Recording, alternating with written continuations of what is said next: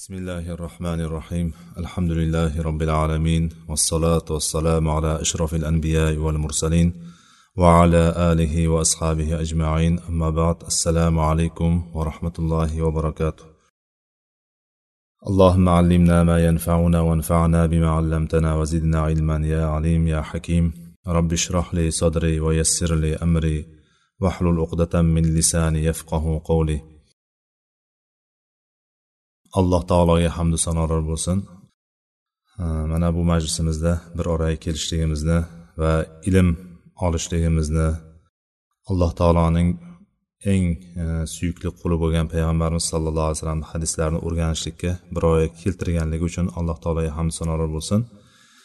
Bu darslarimizni alloh taolo manfaatli darslardan barakotli darslardan qilsin.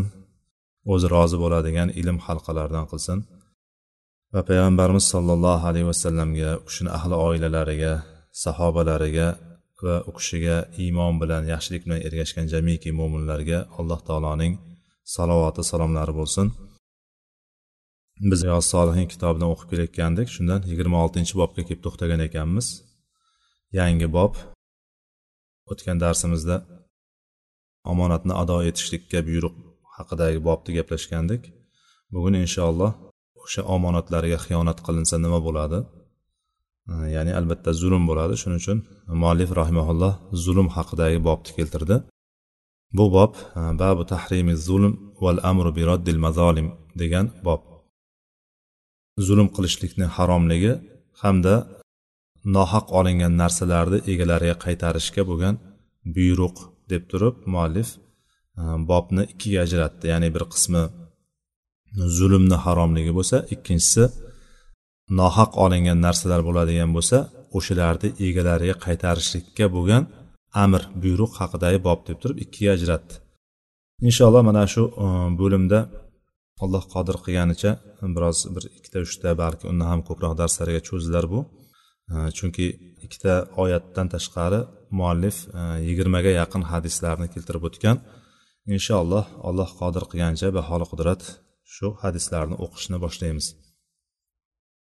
Zulm deganga birinchi zulm haqida gapiradigan bo'lsak e, zulmni aslida bir narsani e, nuqsonli qilishlik ya'ni o'shani to'la to'kis qilmasdan bir narsani nuqsonli qilishlik ma'nosi bor.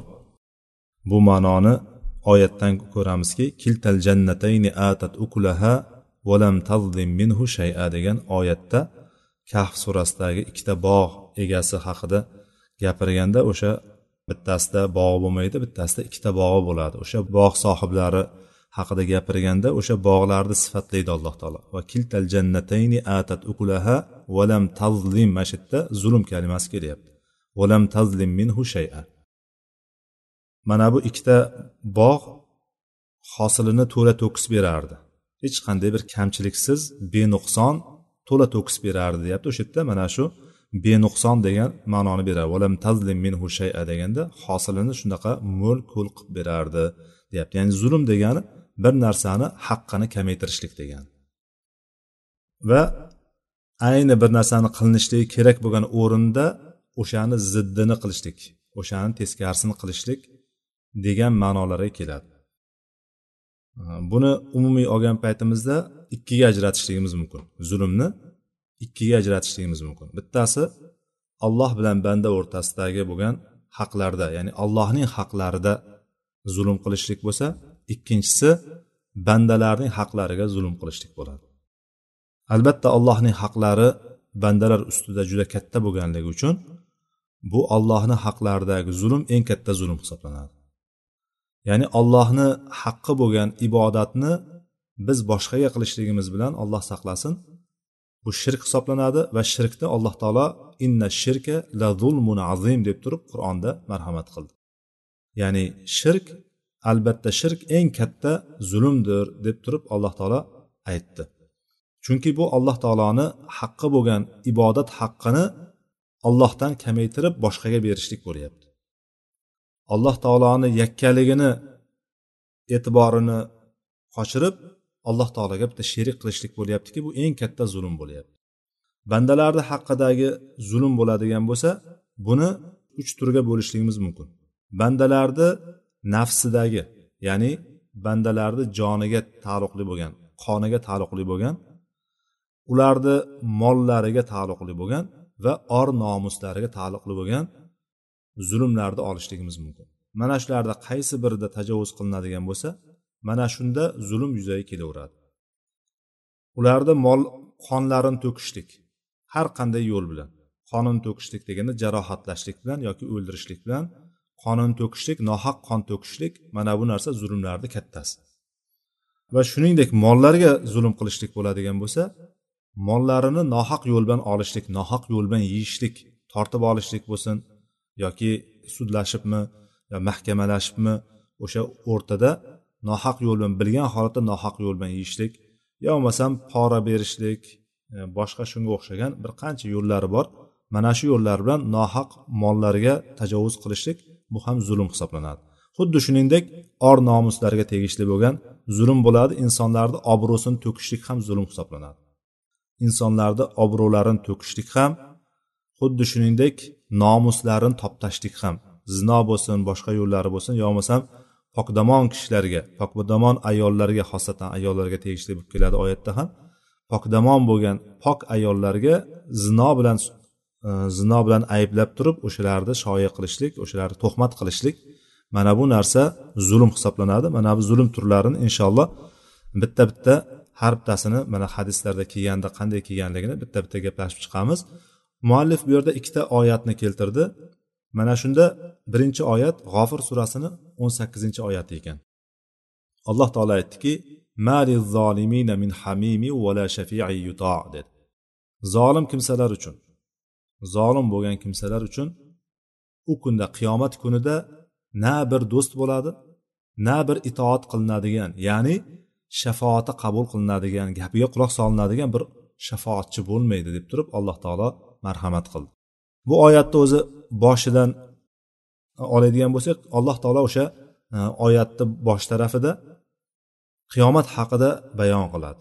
Qiyomatni holati haqida bayon qilinadida ana o'sha kunda zolimlarga biron bir yaqin do'st ham bo'lmaydi. Ularga yordam bera oladigan ularni allohni azobidan biroz allohni azobini kamaytiradigan yoki allohni azobidan qutqarib oladigan biron bir do'st ham bo'lmaydi. Va xuddi shuningdek shafoatchi ham bo'lmaydi deb aytadi. Oyatda aytadiki va anzirhum yawmal azifati idil qulubu ladal hanajiri kazimin degandan keyin maliz zolimina min hamimin vala shafi'i yuto deydi ya'ni ularga juda yaqinlashib kelayotgan kundan ya'ni oxiratdan qiyomat kunidan ogohlantiring ularni. O'shanda jonlar halqumga tiqiladi.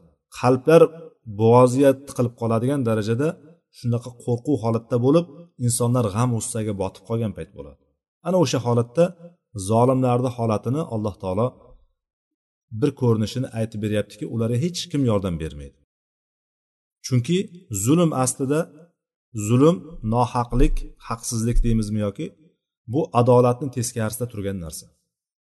Adolat hamma narsani o'z joyiga qo'yishlik degan. Zulm buni teskarisi. Mana shu zulm qilganlar shu dunyoda zulm bilan insonlarga zulm qilishlik ba'zan boshqaruv tarafidan bo'ladi rahbarlar tarafidan bo'ladi. Ba'zan bo'lsa insonlarni o'zaro o'rtalarida bo'ladi. Inson qachon qo'lidagi bir zulm kimga qiladi? Qachonki yonidagi ya'ni qarshisidagi odamni mensimasdan o'shani past sanab turgan paytda bo'ladi va zulm ko'rayotganlarni aksariyati qaraydigan bo'lsak o'sha unga zolimga qarshilik bera olmaydigan zolimga javob bera olmaydigan odamlar bo'ladi. Shuning uchun zolimlar har doim kuchsizlarni ustidan mana shu zulmlarni qilib kelgan.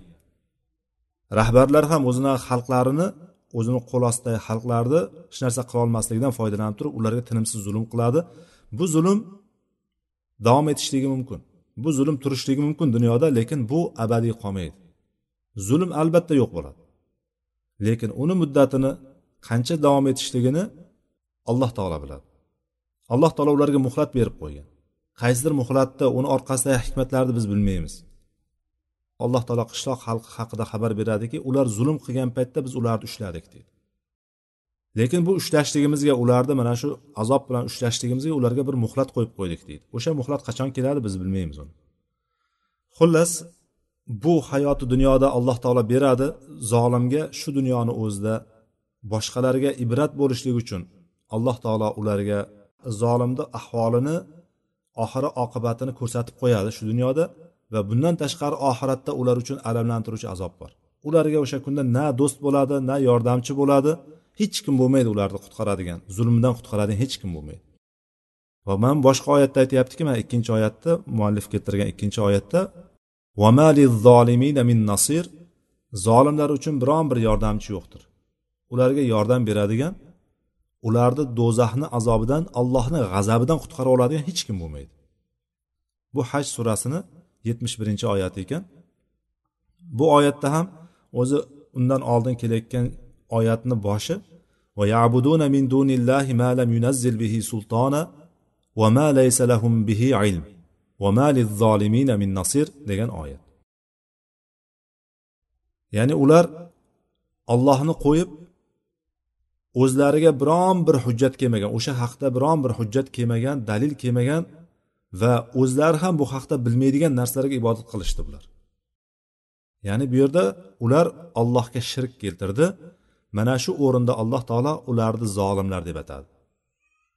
Allohni haqlarini poymol qilganligi uchun allohni haqlarini kamaytirib nuqsonga uchratganligi uchun ya'ni nuqsonlik qilganligi uchun alloh taolo ularni zolimlar deb atadi.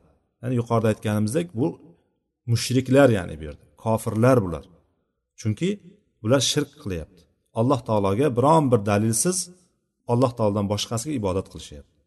O'shalarga deyapti alloh taolo ularga nusrat beruvchi ularga yordam beruvchi hech kim bo'lmaydi. Ularni holi o'sha kunda voy bo'ladi.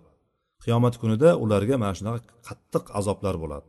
Muallif mana shu o'rinda aslida qur'onda kelgan zulm haqida kelgan oyatlar juda ko'p lekin muallif mana shu ikkita oyat bilan kifoyalandiki zolimlarni qiyomat kunidagi ahvoli og'ir bo'lishligini ularga biron bir do'st bo'lmasligi shafoatchi ham bo'lmasligi yordamchi nusrat beruvchi ham yo'q ekanligini ko'rsatuvchi ikkita oyat bilan kifoyalandi va undan keyin buyog'igi hadislarni keltiradi.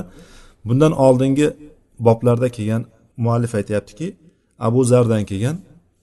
Bundan oldingi e, bobdagi hadislar ham bunga dalildir deb aytyapti. Bu hadis mujohada bobida o'tgandi. Mujohada bobini oxirgi hadis edi. Bu hadisni bir o'qib yana bir eslatib o'tib ketamiz. Bu bobni biz bundan e, o'n beshta bob oldinda o'tganmiz bu bobni gaplashganmiz bu hadislarni ma'nolari bilan tanishganmiz. O'sha ma'nosini bir takrorlab o'tib ketamizki va o'sha yerda qaysi o'rni bu bobga tegishli ekanligini aytib ketamiz inshaalloh. Abu zar roziyallohu anhudan rivoyat qilinyaptiki bu hadisda rasululloh sollallohu alayhi vasallam alloh taolodan rivoyat qildi. Ya'ni buni hadisi qudusiy bo'lgan hadis. Alloh taolo deydiki ey bandalarim men o'zimga zulmni harom qildim dedi. Va uni sizlarni oralaringda ham harom qildim. Shunday ekan bir birlaringga zulm qilmanglar. Mana shu joyi bu bobga aloqador bo'lgan joyi mana shu yeri hadisni uzun hadis bu mana shu joyi. Alloh taolo bandalariga qarab turib ey bandalarim men o'zimga zulmni harom qildim dedi. Alloh taolo o'ziga zulmni harom qildi. Alloh taolo hech kimga zulm qilmaydi. Hech narsaga zulm qilmaydi. Zarra misqolicha shuncha zarrachalik og'irlikdagi narsada ya'ni shuncha bir kichkina bo'lgan bir ishni qiladigan bo'lsa agar o'sha ish yaxshi ish bo'ladigan bo'lsa albatta buni mukofotini oladi ertaga qiyomatda banda agar o'sha kichkinagina narsa shunchalik kichkina ko'ringan narsa agar bir yomonlik bo'ladigan bo'lsa albatta buni jazosini oladi buni oyatdan bilamiz biz فمن يعمل مثقال ذرة خيرا يرى ومن يعمل مثقال ذرة شرا يرى ya'ni zarracha miqdori shalik shunaqa kichkina narsada ham alloh taolo zulm qilmaydi ekan. Endi katta katta narsalarni insonlarni qonlari to'kilishligi insonlarni obro'larini to'kilishligi yo bo'lmasam insonlarni e, nomuslarini toptanishligi bunga o'xshagan narsalarni endi gapirmasak ham bo'laveradi. Hadisni davomida aytdiki bir birlaringga zulm qilmanglar. Demak alloh taolo o'zigaki zulmni harom qilgan ekan bandalariga ham harom qilib qo'ydi. Va shundan keyin orqasidan buyurdiki bir birlaringga zulm qilmanglar. Va orqasidan alloh taolo bir qancha narsalarni zikr qilyapti. Ey bandalarim hammalaring zalolatdasizlar. Hammalaring adashib uloqib yuribsizlar faqatgina men hidoyat qilganlargina to'g'ri yo'ldadir. Shunday ekan hidoyatni mendan talab qilinglar. Demak ollohgina hidoyat qiladimikan hidoyatni ollohdan so'rashligimiz kerak. Shuning uchun ihdina sirotol mustaqim deb turib har doim o'qiymiz. Ey olloh bizni sirotol mustaqim bo'lgan to'g'ri yo'lga hidoyat qilgin deb turib so'raymiz. Biz musulmon emasmizmi? Allohni bitta deb iymon keltirmaganmizmi? Yo'q iymon keltirganmiz lekin har kuni qur'onda har kun fotihani o'qigan paytimizda bir necha bora o'qiymiz. Bu narsa degani agar ihdina sirotol hidoyat so'ralgan paytda alloh hidoyat qilsin bo'lmasam deydigan bo'lsa masalan bir kishi aksa uraydigan bo'lsa alhamda deydigan bo'lsa yarhamukalloh deb aytgandan keyin u ham yahdikumulloh deb aytadi. Alloh seni hidoyat qilsin deb qo'yiladi birinchisiga alloh seni rahmatiga olsin desa ikkinchisi javob yana qaytar ekan aksa urgan kishi aytadiki alloh hidoyat qilsin. Hidoyatni demak tushunishligimiz kerak bo'lgan narsa islomga kirishlik hidoyati bor va o'sha islomda bo'lgan kishilarni hidoyatini bardavom bo'lishligini so'rashlik bor. Hidoyatda sobit qilishligi bor. Demak e, mana shu o'rinda kimdir hidoyat qilsin deydigan bo'lsa alloh taolo bizni hidoyat qilsin deydigan bo'lsa mana bu to'g'ri yo'lga yana ko'rsatsin to'g'ri yo'lda sobit qilsin degan ma'noni olinadi. Hamma adashib yurgan bo'lsa faqat allohgina hidoyat beruvchi bo'ladigan bo'lsa shuni aytyaptiki mendangina so'ranglar. Hidoyatni men sizlar men o'zim sizlarni hidoyat qilaman dedi. Ey bandalarim hammalaring och nahorsizlar faqat men taom bergan kishilargina bunday emas shunday ekan mendangina taom talab qilinglar mendangina o'zlaringni yeydigan narsalaringni ichadigan narsalaringni mendangina talab qilinglar men sizlarni taomlantiraman dedi. Ey bandalarim hammalaring yalang'ochsizlar. Faqatgina men kiydirgan kishilargina bunday emas. Shunday ekan kiyinishlikni mendan talab qilinglar men sizlarni o'zim kiyintiraman deyapti alloh taolo. Ey bandalarim sizlar kechayu kunduz xato qilasizlar. Albatta hamma inson xatokor. Xato qilmaydigan inson yo'q.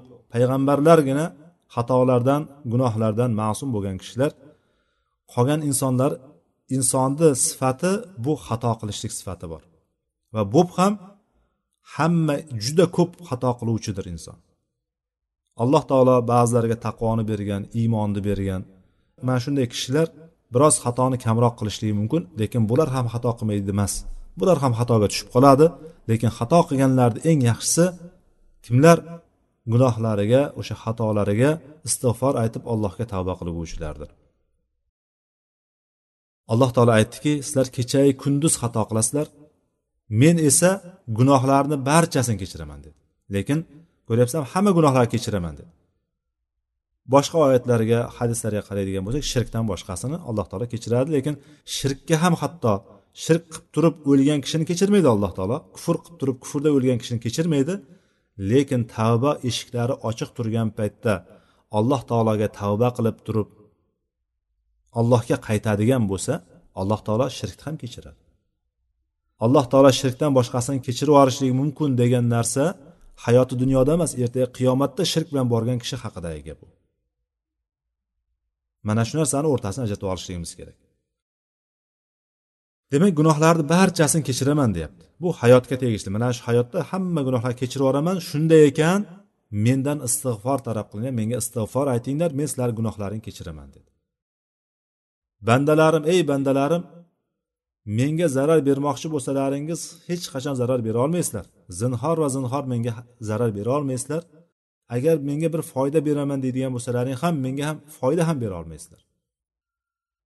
Ey bandalarim agar sizlarni avvallaringu oxirlaring insonlaringu jinlaring bitta eng taqvoli kishidek bo'lib qolsa ham meni mulkimdan biron bir narsani ziyoda qilolmaydi ya'ni insonlarni hammasi biz har qancha tavba qilib har qancha taqvodor kishini eng taqvodor kishini hatto payg'ambar sollallohu alayhi vasallamni qalbidek taqvo egasi bo'lgan allohdan qo'rqqan kishidek bo'lib qolgan taqdirimizda ham bu narsa alloh taoloni mulkidan biron narsani ziyoda qilib qo'ymaydi. Alloh taolo bizni ibodatlarimizga hojati yo'q bizga. Lekin alloh taolo bizga ibodat qilishligimizni xohladi biz qilamiz. Lekin bu alloh taolo muhtoj bo'lib turib bizga buyurdi emas. Yahudlarni aytayotgan gaplariga o'xshagan emas. Alloh taolo faqirdir.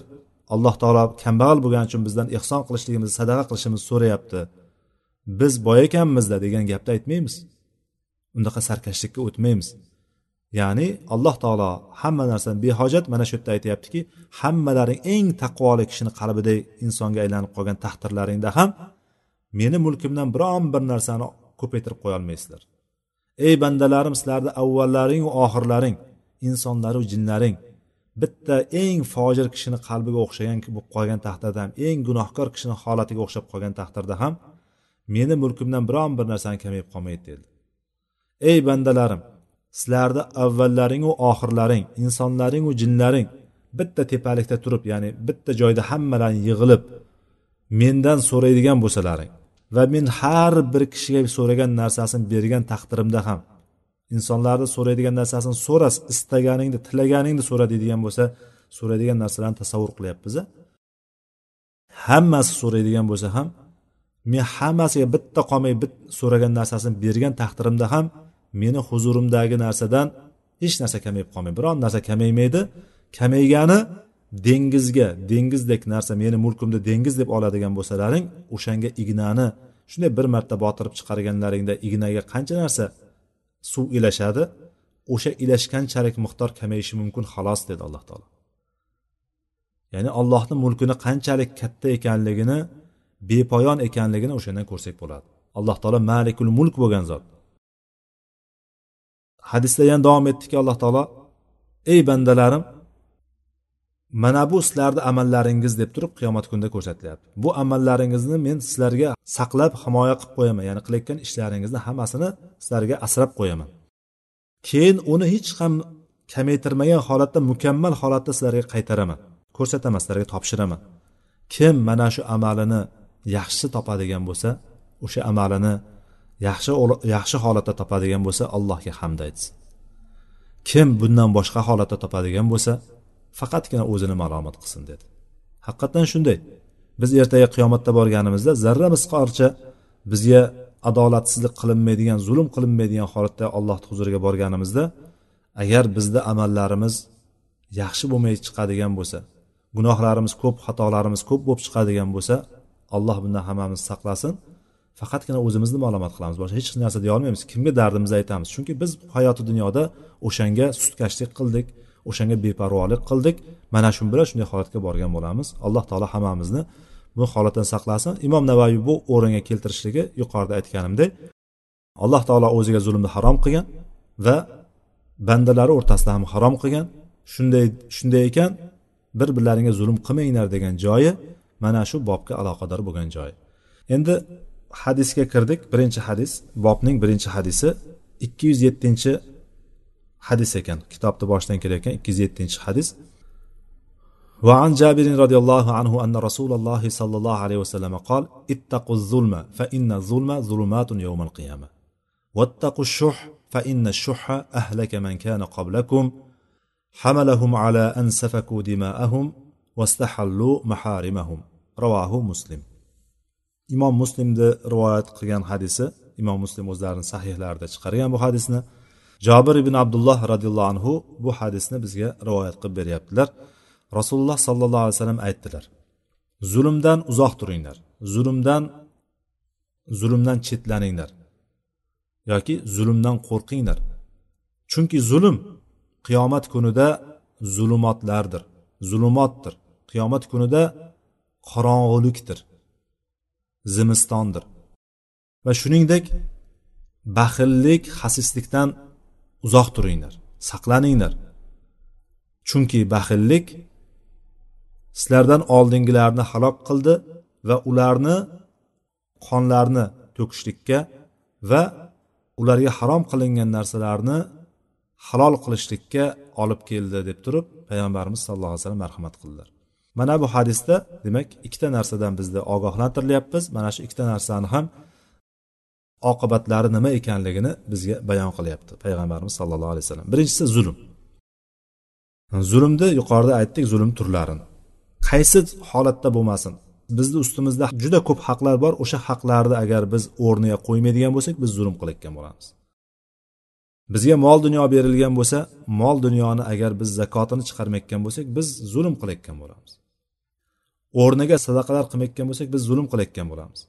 Yoki kimnidir mol dunyosiga ko'z olaytiradigan bo'lsak zulm qilayotgan bo'lamiz boshqani haqqiga. Kimnidir molini yashirincha oladigan bo'lsak bu zulm qilayotgan bo'lamiz. Yoki farzandlarni o'rtasida adolatni alloh taolo qo'ydi. Adolat qilishligimiz kerak. Hatto merosni taqsim qilayotgan paytda ham bitta bitta bayon qilib berdi. Farz holatda bayon qilib berdi. Alloh taolo qur'onida zikr qildi bitta bitta ana shu merosda qanday taqsim qilinadigan bo'lsa ertaga mol dunyomizni ham xuddi shunday e, taqsim qilishligimizni bizga buyurdi. Agar o'shandan biron narsasiga agar biz nohaqlik qiladigan bo'lsak bu bilan biz zulm qilgan bo'lamiz.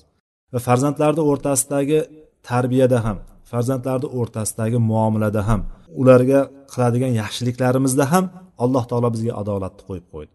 Mana shu adolatni qilmaydigan bo'lsak biz ularga zulm qilayotgan bo'lamiz. Mana bu zulmlar bo'lsa qiyomat kunida bizga zulmat bo'ladi. Qorong'uliklar bo'ladi. Chunki alloh taolo qiyomat kunida mo'minlargagina musulmonlargagina nur beradi. Qiyomat kunidagi zulmatda qop qorong'ulik hamma tomon zimiston bo'lgan paytda alloh taolo mo'minlarga nur beradi.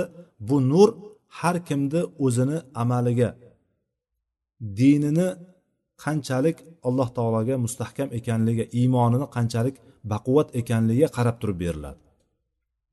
Ba'zilarniki faqat oyog'ini ostini yoritadigan bo'lsa ba'zilarniki xuddi mashinani farasiga o'xshagan uzoqlarni yoritadigan bo'ladi. Projektorga o'xshab turib uzoq joylarni yoritadigan darajadagi insonlar bo'ladi. Ya'ni har kimni bu amaliga yarasha beriladigan nur hisoblanadi. A kofirlarga bo'ladigan bo'lsa berilmaydi. Munofiqlarga ham berilmaydi. Munofiqlarni holatini alloh taolo qur'onda bayon qiladi. Ularga bir ularni holati shunaqa bo'ladiki bir yorishib ketgan paytda bir yurib oladida keyin o'chib qoladi deydi. Ularga berilgan narsa shu. Bir yorishgan paytda ozgina yurib oladida yoriqlik birdan olib qo'yilgandan keyin xuddi ko'zini o'yib olgandek ya'ni ko'z umuman ko'rib qolgandek bo'lib qoladi. Mana shu holatni alloh taolo zarbul masal qilib turib munofiqlarni holatini keltirdi. Bir kishi o't yoqqanda o't yoqqandan keyin o't birdan olov birdan o'chgan paytda ko'zni xuddi ko'z umuman ko'rib qolganda hech narsa ko'rmay qoladi. Aslida zulmatga inson qorong'ulik bo'ladigan bo'lsa sal buyoqda ozgina yoriqlar yulduzlar bo'ladigan bo'lsa inson birinchi boshida ko'zi birdan ko'rmaydi sekin sekin ko'z moslashadi qorong'ilikka moslashadi. Qorong'ulikda ham ba'zi bir narsalarni ko'rib boshlaydi. Lekin yorug'likni birdan masalan svet yoqib turgan bo'lsa birdan o'chirilsa yo bo'lmasam boyagi aytayotgandek o't yoqib o'tirgan kishi olovni birdan o'chirib qo'yadigan bo'lsa ko'zni atrofida hech narsa ko'rinmay qoladi. Munofiqlarni holatini shunday zikr qiladi. Ya'ni alloh taolo qiyomat kunida har kimga nur beradi. Kimga? Faqat musulmonlarga beradi. Uni uni ham agar nuri uning islomini darajasiga qarab bo'ladi amaliga qarab bo'ladi. A endi zolimlar bo'ladigan bo'lsa zolimlar zulmatni ichida qolib ketadi. Agarchi musulmon bo'lgan taqdirida ham o'sha zulmiga yarasha undan nur ketadi. Musulmon bo'lgan taqdirda ham agar zulmlarni ko'p qilgan bo'lsa hamma tomondan zulmlar qilib kelaveradigan bo'lsa o'sha zulmlar sababli uni nuri qolmay qoladi. Qorong'uliklarni ostida qolib ketadi. Qiyomat kunidagi eng og'ir ahvolda u qorong'uliklarni ostida qolib ketadi. Alloh taolo bizni bu zulmlarni har qanday turdan alloh taolo o'zi bizni saqlasin. Bu narsani duo qilib so'rashligimiz kerak. Va bu narsaga harakat qilishligimiz kerak. Zulmda har qanday turidan hali hadislarni o'qigan sarimiz bitta bitta zulmlarni qanaqa turlari bor ekanligini tanishib boraveramiz. Shuning uchun ko'p to'xtalmayman bu o'ringa. Undan keyingisi payg'ambarimiz ikkinchi saqlaninglar degan narsa shuh dedilar. Shuh degani bu hasislik baxillik ya'ni bu hirs dunyoga bo'lgan hirs mol dunyoga bo'lgan hirsdir bu. Bu faqatgina baxillikni o'zi emas. Baxillikda masalan faqat mol dunyoga bo'ladigan bo'lsa bu hamma narsada. Martabada ham ilmda ham hunarda ham boshqa narsalarda ham hammasi qo'shilsa bu shuh hisoblanadi.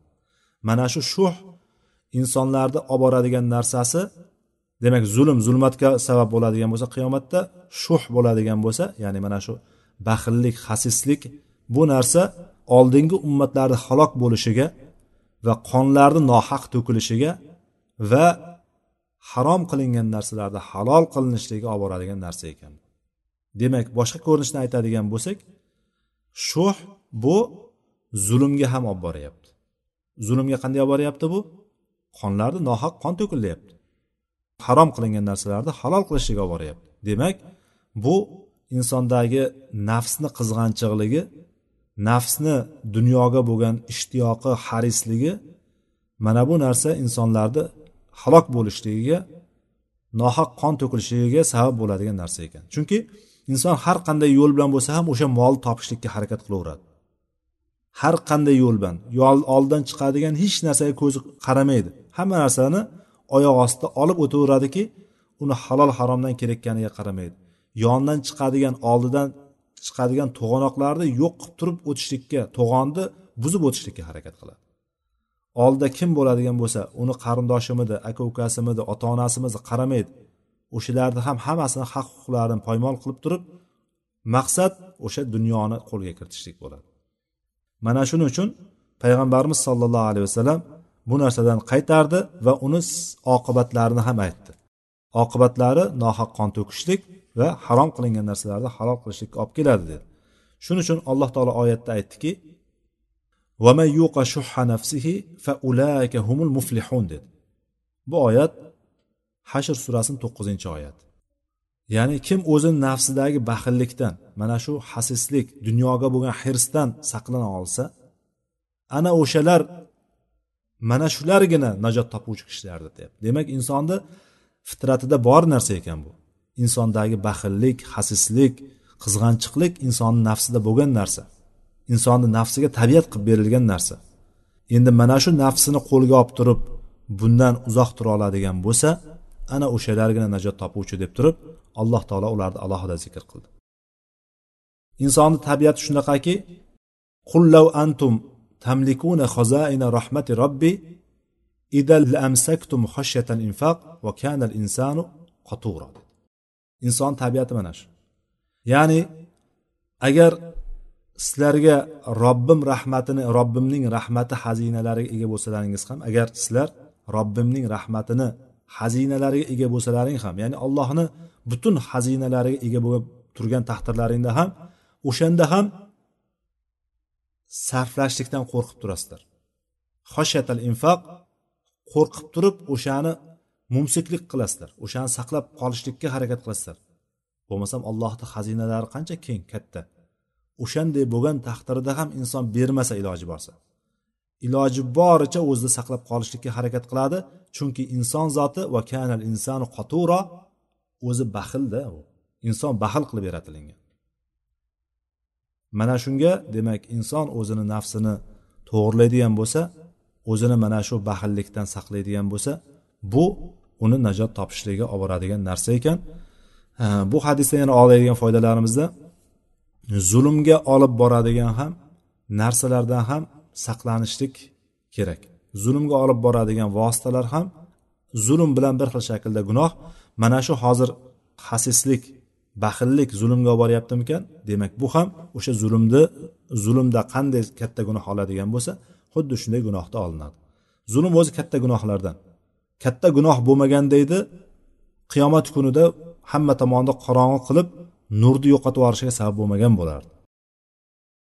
Zulm shunaqa narsa ekanki bundan qattiq qo'rqishligimiz kerakki zulmdan insonlarni haqlariga tajovuz qilib qo'yishlikdan haqlar nohaq birovlarni molini yeb qo'yishlikdan nohaq kimlardir obro'sini to'kib qo'yishlikdan nomusiga til tekkizib qo'yishlikdan. Mana bu narsalardan juda qattiq biz qo'rqishligimiz kerak saqlanishligimiz kerak ekan. Va buni ziddi bo'lgan adolat zulmni ziddi bo'lgan adolat va hasislikni ziddi bo'lgan saxovat ochiq qo'llilik demak bu musulmonni eng go'zal bir fazilatlardan hisoblanadi ekan. Alloh taolo hammamizni mana shu sifatga noil qilsin. Undan keyingi hadis ikki yuz to'qqizinchi hadis ekan. An abi hurayrata roziyallohu anhu anna rasululloh sollallohu alayhi vasallam qol لتؤدن الحقوق إلى أهلها يوم القيامة حتى يقاد للشاة الجلحاء من الشاة القرناء رواه مسلم abu hurayra roziyallohu anhudan rivoyat qilinyapti payg'ambarimiz sollallohu alayhi vasallam aytdilarki qiyomat kuni haq huquqlar o'z egalariga albatta muhaqqaq topshiriladi dedi Ya'ni bu yerda payg'ambarimiz qasam bilan aytdi. Allohga qasam ichib aytamanki haqlar o'z egalariga albatta beriladi dedi. Qaytariladi. Hammasiga qaytarib beriladi. Va hatto shunaqa darajada haqlar o'z egalariga qaytariladiki shohsiz bo'lgan qo'ydan shohsiz bo'lgan qo'y uchun shohli bo'lgan qo'ydan qasos olinadi dedi.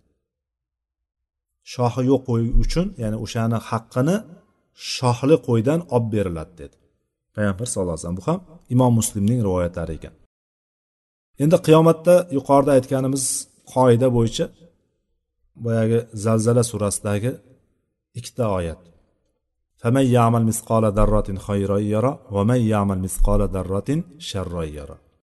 Kim zarra miqdorichalik shuncha arzimagan narsada agar u xayr bir yaxshilik ishlarni qiladigan bo'lsa uni albatta ko'radi. Uni mukofotini albatta ko'radi. Agar kim zarra miqdoricha bo'lsa ham yomonlik qiladigan bo'lsa o'shani ham jazosini albatta ko'radi. Mana bu qoida. Hatto allohni alloh taoloni adolati shunaqaki hisob kunida ertaga qiyomat kunida hatto hayvonlarni ham tiriltiradi. Hayvonlarni ham bir joyga olib keladi. Buni mana shu hadis dalolat qilyapti. Hatto shohsiz qo'yga shohli qo'ydan olib beriladi qasos olib beriladi degani ya'ni hayvonlarni ham tiriltirishligiga bo'lgan dalillardan bittasi. Bu haqdagi oyatlar va hadislar bor. Hadislar ham ancha muncha bor lekin mana shu hadis demak shunga dalolat qiladigan bittasi ekan mana shu kelgan joyida. Qur'onda kelgan boyagi takvir surasida kelgan beshinchi oyatida va idal vuhushu hushirat degan oyatni dalolati ham mana shu. O'sha kunda qiyomat kunida vahshiy hayvonlar bir joyga kelib to'planganda deb turib aytilingan oyatda va idal vuhushu hushirat degani o'sha yerdagi butun vahshiy hayvonlar ham bir joyga olib kelingan paytda deb turib alloh taolo qiyomatdagi ahvolda aytilyapti. Demak bundan ko'rinadiki hatto aqli bo'lmagan ularga bir shar'iy biron bir taklif tushmagan alloh taolo ularga ibodatni yuklamagan aqlni bermagan hayvonlarki qiyomat kunida olib kelinadi. Bu narsa ularni o'rtasida ham adolatni qilib ya'ni qasoslarni olib berib kim agar qaysi biriga zulm qilgan bo'lsa o'sha zulmini mazlumga olib berib haqqini olib bergandan keyin ular tuproqqa aylantirib yuboriladi mana shu narsaga dalolat qiladi. Ya'ni hattoki hayvonlarniki alloh taolo o'rtasida bo'lgan ba'zi bir nohaqliklarni qasosini olib berar ekan endi biz aqlli insonlarni alloh taolo o'zini eng mukarram qilgan bandalarini butun maxluqotlarni ichida mukarram qilib qo'ygan insonni nohaq unga zulm qilingan bo'lsa endi buni qanday tushunishlik mumkin? Ya'ni mana shunga qiyos qilib olinaveradiki hatto vahshiy hayvonlardan qasoslar olinadigan bo'lsa ertaga kichkinagina zarra miqdoricha ham zulm havoda qolib ketmaydi. O'ylamang men qilyapman shu narsani qilyapman deb o'zimizni haq ko'rsatib o'zimizni ichimizdagi kibrimiz yoki o'zimizni ichimizdagi o'zimizni katta olishligimiz boshqalar bilan odamlarni go'yoki biz bilgan holatda zulm qilib turgan bo'lsak va o'zimni boshqalar ko'rmayapti degan holatda yo bo'lmasam ko'rgan taqdirda ham ko'rmaslikka olib turib o'zini zulmida davom etayotganlar mana bunga ehtiyot bo'lsinki ertaga qiyomat kunida hatto hayvonlardan olib beriladigan qasoslar bor ekan insonlarga qilingan zulmlarni hech tasavvur qilib bo'lmaydigan darajada hech narsa oqizmay tomizmay biron bir narsa qolib ketmasdan alloh taolo hammasiga adolat qiladi alloh taolo eng adolatli bo'lgan zotdir undan keyingi hadis ikki yuz o'ninchi hadisga keldik inshaalloh mana shu hadisni ma'nolari bilan tanishamiz biroz uzunroq hadis ekan وعن ابن عمر رضي الله عنهما قال كنا نتحدث عن حجة الوداع والنبي صلى الله عليه وسلم بين أظهرنا ولا ندري ما حجة الوداع حتى حمد الله رسول الله صلى الله عليه وسلم وأثنى عليه ثم ذكر المسيح الدجال فأطنب في ذكره ابن عمر abdulloh ibn umar roziyallohu anhudan rivoyat qilinyapti aytdiki payg'ambarimiz sollallohu alayhi vasallam bizni oramizda ekan biz vado haji ya'ni vidolashuv hajji haqida gaplashardik vaholanki biz vidolashuv hajji nima ekanligini biz bilmasdik deyapti ya'ni shu haqda gaplashib o'tirardik. Hatto payg'ambar sallallohu alayhi vasallam turib alloh taologa hamdu sano aytdilar va dajjol haqida masih dajjol haqida gapirdilar. Va uni u haqida juda uzun va balog'atli juda e, mukammal gaplarni gapirdilar. Keyin aytdilarki ma ba'asallohu min nabiyin illa anzarahu ummatahu. أنذره نوح والنبيون من بعده وإنه إن يخرج فيكم فما خفي عليكم من شأنه فليس خفي عليكم إن ربكم ليس بأعور وإنه أعور عين يمنى كأن عينه عنبة طافية. alloh taolo biron bir payg'ambar jo'natmadi magaram o'sha payg'ambar jo'natgan bo'lsa albatta ummatini dajjoldan ogohlantirdi. Dajjoldan ya'ni dajjolni holatlaridan dajjolni fitnalaridan ogohlantirib ketdi har bir payg'ambar. Dajjoldan nuh ogohlantirdi va undan keyingi payg'ambarlar ham ogohlantirdi. Agar u sizlarni oralaring sizlarni ichlaringdan chiqadigan bo'lsa dajjol chiqadigan bo'lsa uni biron bir ishi sizlarga maxfiy bo'lib qolmaydi. Albatta robbingiz sizni robbingiz ko'r emas. Bu narsa sizlarga maxfiy bo'lgan ishlardan emas. Ya'ni robbingiz mukammal sifatlar sohibi bo'lgan zotdir. Alloh taoloda biron bir nuqson sifati yo'qdir. Ya'ni alloh taolo ko'r emas a u bo'ladigan bo'lsa dajjol bo'ladigan bo'lsa uni o'ng ko'zi ko'rdir. Uni ko'zi xuddi shunaqa o'xshaydiki bir uzumga o'xshaydi. Uzumni masalan shingilidan uzum bitta e, uzilib qoladigan bo'lsa osilib chiqib qoladigan bo'lsa bitta shingil uzumni olaylik. O'shani bir osilib qoladigan bo'lsa qanday osilib turadigan bo'lsa xuddi shunga o'xshab turadi. Yoki ba'zi bir sharhlarga ko'ra suvda qalqib turgan uzum qanday turadigan bo'lsa xuddi shunaqa ko'zi bo'ladi uni dedilar. Va davom etdilarki ala innalloha harrama alaykum dimaakum va amvalakum ka hurmati yawmikum hada fi baladikum hada fi shahrikum hada ala hal ballagtu? Qalu na'am. Qala allohumma ishhad salasan. Payg'ambarimiz sallallohu alayhi vasallam keyin dajjol haqida aytib bo'lganlaridan bir xabar bergandan ba'zi sifatlarini gapirganlaridan keyin endi ikkinchi masalaga o'tdilar. Ogoh bo'linglar. Albatta alloh taolo sizlarga qonlaringni va mollaringni xuddi mana shu kuningizning haromligi mana shu yurtingizning haromligi kabi va mana shu oyingizning haromligi kabi harom qildi dedi. Ya'ni bu kun hajjatul vado bo'lgandan keyin harom oylari deydi bu. Va arafat kunida agar buni arafa kunida va mino kunlarida bo'ladigan bo'lsa o'sha o'sha kunlarda harom qilingan kunlar ya'ni insonlarni haq hurmatlari to'kiladigan yo bo'lmasam hatto hasharotlarga ham o'simliklarga ham biron bir narsa ziyon yetkazilmaydigan darajada u o'lkalar haram bo'lgasi haram mintaqasi deb aytilinadi. O'shanday deb aytilar va mana shu oylaringiz mana shu yurtlaringiz kuningizday qanday harom qilgan bo'lsa alloh taolo sizlarni qonlaringni ham mollaringni ham alloh taolo sizlarga harom qilib qo'ydi dedi.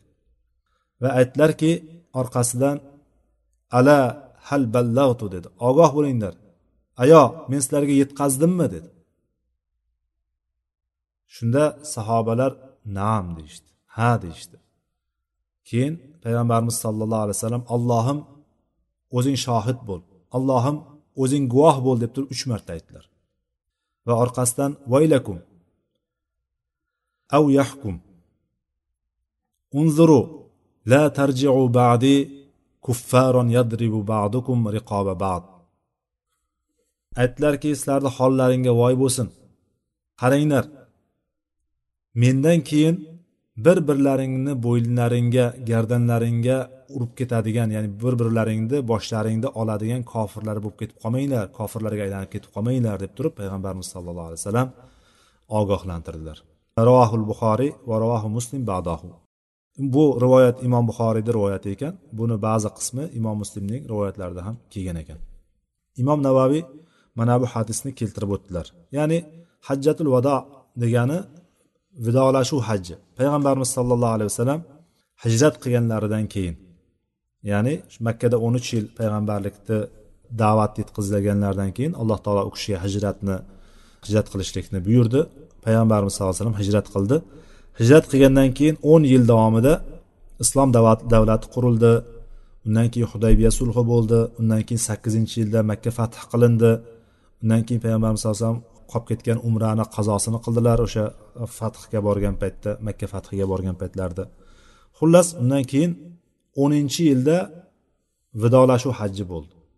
Lekin o'shangacha payg'ambarimiz sallallohu alayhi vasallamga haj qilishlik imkoni bo'lmadi. Ya'ni payg'ambarimiz hijrat qilganlaridan keyin bir marta haj qilganlar. Bir marta haj qilganlar. Lekin makkadalik davrida makka e, mavsumida har yili mavsum bo'lardi bilamiz. Unda haj qilganligini bir necha bar bir necha marta haj qilganligini aytishadi olimlar. Ba'zilar ikki marta haj qilgan deydi. Makkada turgan paytlarida ham deydi payg'ambarlik kelgandan keyin deydi. Ba'zilar bo'lsa allohu alam ko'p marta haj qilgan bo'lishligi kerak deb turib aytishadi. Ala kulli hal bu yerda qanday bo'lgan taqdirda ham bizga kerakli bo'lgan qismi vidolashuv hajji. Payg'ambarimiz sallallohu alayhi vasallam to'qqizinchi yilda o'zi hajni farz bo'lishligi to'qqizinchi yilda bo'ldi. Ya'ni haj mavsumi kelishidan oldin alloh taolo hajni haj qilishlikni farz qildi. Valillahi alannasi hijjul bayti man istataa ilayhi sabila deb turib man istataa ilayhi sabila mana shu oyatda aytdiki olloh uchun bandalarni zimmasida yo'lga qodir bo'lganlarga haj qilishlik farz bo'ldi dedi alloh taolo. Mana shu oyat bilan haj qilishlik farz bo'lgandi. Payg'ambarimiz sallallohu alayhi vasallam lekin o'sha yili bormadilar. Hajga bormadilar buni olimlarimiz ikki xil sababni ko'rsatadilar. Mana shu hajga nimaga birinchi farz bo'lgan yili imkonlari bor edi nimaga haj qilmadilar hajga bormadilar deb turib aytishadi. Buni ikkita e, yo'nalishda olimlar tushuntiradi. Ikkita sababini aytadilar. Payg'ambarimiz sollallohu alayhi vasallamni madinada qolishliklarini sabablari o'sha paytlar boshqa atrofdagi qabilalardan atrofdagi e, millatlardan payg'ambarimiz sallallohu alayhi vasallamga tinimsiz odamlar kelib turgandi. Ya'ni vaft deydi o'sha vaftlar kelib turgandi vakillar kelishadi. O'sha vakillarni qabul qilishligi uchun e, payg'ambarimiz sollallohu alayhi vasallam qoldirar deb aytishadi ba'zilar. Ba'zilar aytadiki bu to'qqizinchi yilda haj qilmasligini sababi u paytlarda mushriklar ham e, haj qilardi o'sha paytda. Undan keyin oyat tushirildi e, oyat nozil bo'ldiki ey mo'minlar albatta mushriklar najasdir mana shu yildan keyin masjidi haromga ular kirmasinlar yaqinlashmasinlar degan oyatga binoan payg'ambarimiz sollallohu alayhi vasallam o'sha yili o'zi bormadilar mushriklar bilan aralash haj qilmasliklari uchun deb aytiladi va o'sha yili to'qqizinchi yili abu bakr roziyallohu anhuni boshchiligida haj qilinadi. Musulmonlar abu bakrni boshchiligida haj qilganlar. Undan keyin ali roziyallohu anhuni payg'ambarimiz sallallohu alayhi vasallam jo'natadilar va e'lon qildiradilar o'sha to'qqizinchi yilda. E'lon qildiriladiki bu shu yildan keyin biron bir kishi ya'ni biron bir e, mushrik kirolmaydi e, va biron bir yalang'och holatdagi kishi haj qilolmaydi deb turib e'lon qildilar. Chunki bu johiliyat odatlari bor edi. Quraysh tashqaridan kelgan kishilarga shart qo'yardiki o'zlaridan bir liboslarni sotib olishlikda ehrom liboslarini sotib olishlikni talab qilardi va tashqaridan kelayotganlarni sizlar gunohkor bo'lgan kiyimlaring bilan haj qilmaysizlar deb turib aytilardida va mana shu o'zlarini go'yoki dindan deb bilardi va shuning uchun odamlar yalang'och holatda tavof qilishlik holatlari bo'lardi. Mana shu narsalar bo'lmasligi uchun payg'ambarimiz sallallohu alayhi vasallam e'lon qildilar deydi. O'sha e'lon qilgan paytlarida o'ninchi yil payg'ambarimiz o'zlari bordilar. Hajga mana bu hajga borganlarida musulmonlar soni o'shanda bir yuz yigirma to'rt ming edi deydi. Bir yuz yigirma to'rt ming musulmon kishi bo'lgan. Shunda payg'ambarimiz sollallohu alayhi vasallamni haj qilishligi e'lon qilingandan keyin payg'ambarimiz bilan birga haj qilamiz degan sahobalarni aksariyati birga chiqdilar. Payg'ambarimiz sallallohu alayhi vasallam ham xonadonlaridagi ayollarni hammasini olib borganlar xullas o'shanda yuz mingdan ortiq inson bo'lgan.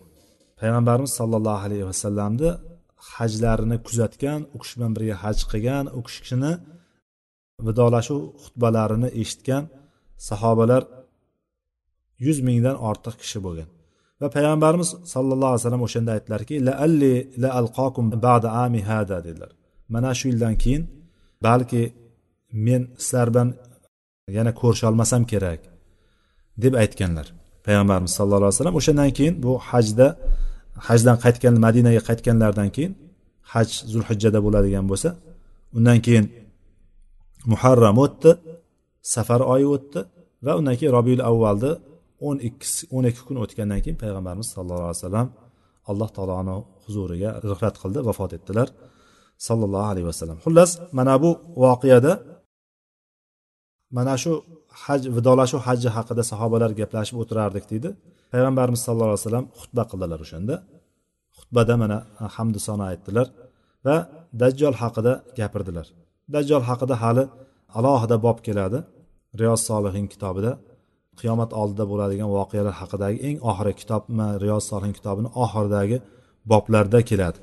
U uni qanday bo'lishligi sifatlari o'shanga taalluqli bo'lgan hadislarni hammasi mm, birin ketin keladi. Shuning uchun bu haqda e, bu o'rinda to'xtamasak ham bo'ladi inshaalloh. Zero hammamiz e, dajjol haqida ozmi ko'pmi ma'lumotlarimiz bor.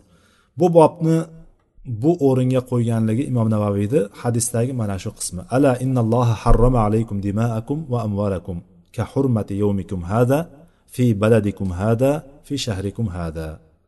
Sizlarga alloh taolo qonlaringni mollaringni harom qildi. Xuddi mana shu kuningiz mana shu yurtingiz va mana shu oyingiz kabi mana shu oyingizning haromligi kabi harom qildi degan qismi demak e, mana shu bobga aloqador bo'lgan qismi ekan.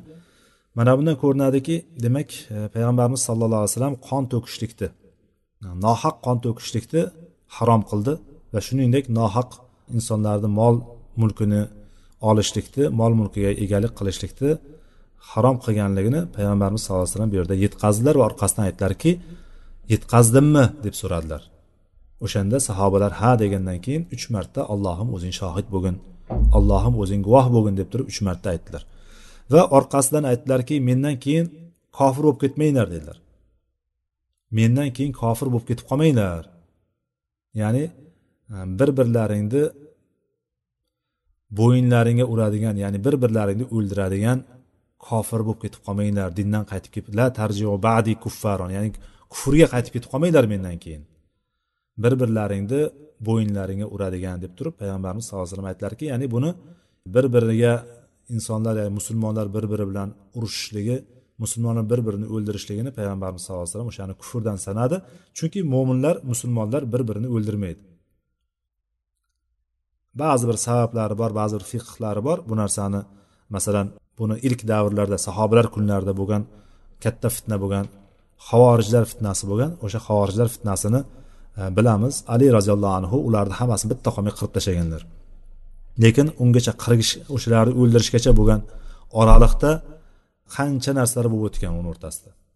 Ali roziyallohu anhuni kofirga chiqarib bosh bo'yin tovlab itoatdan bo'yin tovlab o'zlari ajralib chiqib ketgandan keyin ham ularga qancha marta xat yozib hatto ibn abbosni jo'natib ibn abbos jo'natib borgandan keyin uni bir bir katta qismi yana musulmonlar safiga qaytadi undan keyin qolgan qismida hatto borib turib o'zlari ham gaplashadi. Hech bo'lma oxiri bular urushga olib eng oxirgi joyga olib borgandan keyin ali roziyallohu anhu ular bilan urushadi payg'ambarimiz sallallohu alayhi vasallam hadislariga binoan. Ahli qibla bo'lsa ham musulmon bo'lib turib namoz o'qib ro'za tutib qur'on o'qib turgan bo'lsa ham ular ibodatda juda qattiq bo'lsa ham ali roziyallohu anhu ularga urush ochdi. Chunki ularni payg'ambarimiz sallallohu alayhi vasallam aytganlarki ulardan shunday bir kishilar chiqadi. Ular ya'ni ularni sifatlaganlarda o'sha kamon o'qdan chiqib hayvonni ovni teshib o'tganda qanday teshib o'tadigan bo'lsa xuddi shunday chiqib ketib qoladi dindan ular. Deb turib ta'riflagandan keyin agar o'sha havorijlar meni tirikligim paytimda chiqadigan bo'lsa ularni ot va samud qavmlari o'ldirilgandek ularni o'ldirib tashlayman qirib tashlayman deganlar payg'ambar sallallohu alayhi vasallam. Xullas e, mana shunga o'xshagan bir voqealar bo'lgan. O'shanda ali roziyallohu anhu ularni qirib tashlagan bitta qolmay qirib tashlagan. Shu nahravon degan joyda jang bo'lgan o'sha jangda bitta qilmay qirib tashlagan. Endi bu holat ba'zi bir istisno va o'ziga yarasha fiqhi o'sha anosi bor. Undan boshqa holatlarda demak mo'min kishini o'ldirishlik kufr hisoblanadi va bir biriga nohaq urush ochib turib nohaq kirishligi bu narsa payg'ambarimizni mana bu hadislariga ko'ra la tarjiu badi kuffaron degan hadisiga kirib qoladi. Kufrga ya'ni kofir bo'lib ketib qolmanglar mendan keyin. Kufrga qaytib ketib qolmanglarki bir birlaringni boshlaringga bo'yinlaringga uradigan bo'lib turib deb aytganlar payg'ambar sallallohu alayhi vasallam. Demak qon to'kishlik eng katta gunohlardan eng katta zulmlardan hisoblanadi. Mana bu zulmni ko'rinishini payg'ambarimiz sallallohu alayhi vasallam vidolashuv hajjida qattiq ogohlantirib va allohni shohid qilib allohni guvoh qilib aytib ketdilar. Demak mana shuning uchun mana bu narsalardan biz uzoq turishligimiz kerak. Fitna bo'ladigan paytlarda fitnalardan uzoq bo'lishligimiz kerak fitnaga qo'shilmasligimiz kerak. Va o'sha havorijlar chiqqan paytda ham havorijlarni ichida bironta ham sahoba bo'lmagan. Havorijlar chiqqanda havorijlarni ichida bitta ham sahoba bo'lmagan lekin o'sha kunda sahobalar bor edi. Katta sahobalar bor edi. Ansor va muhojirlar bor edi o'sha kunda. Ali roziyallohu anhuni xilofat davrida. Bironta sahoba qo'shilmaganligi butun tarixchilar ittifoq qilishgan. Ya'ni xorijlarni ichiga sahobani birontasi ham bo'lmagan deb aytishgan. Lekin ularni davosi bugungi kundagi ba'zi bir toifalarda aytayotganidek sizlar adashgansizlar deb turib aytib turib o'zlarini qilayotgan amallarini go'yoki katta sanab turib alloh taolo ularni o'sha johilligi bilan ko'zlarini ko'r quloqlarini kar qilib qo'ydiki ularni qolganlarni takfir qilib turib qolganlar kofir deb yubordi hatto o'sha paytda sahobalarni kofir deb yuborishdi ular. Tavba qilasan va kofir bo'lganligingni tan olib turib tavba qilsang keyin biz seni itoatingga kiramiz deb turib ali roziyallohu anhuga shart qo'ygan bular. Mana shu darajada mana shunday fitnalar bo'lgan paytda biz hozirgi fitnada fitnani ilmini bilishligimiz kerak. O'sha fitnada nima fitna asosiy o'shani yaxshi bilishligimiz kerak. Hozirgi kunda havorij fitnasi bor har xil firqalar fitnasi bor. Har qanday e, fitnalarni ko'rib chiqishdan oldin demak birinchi o'rinda mana shularni fitnasi nima ekanligini biz yaxshi bilib olishligimiz kerakki ulardan ogoh bo'lishlik uchun.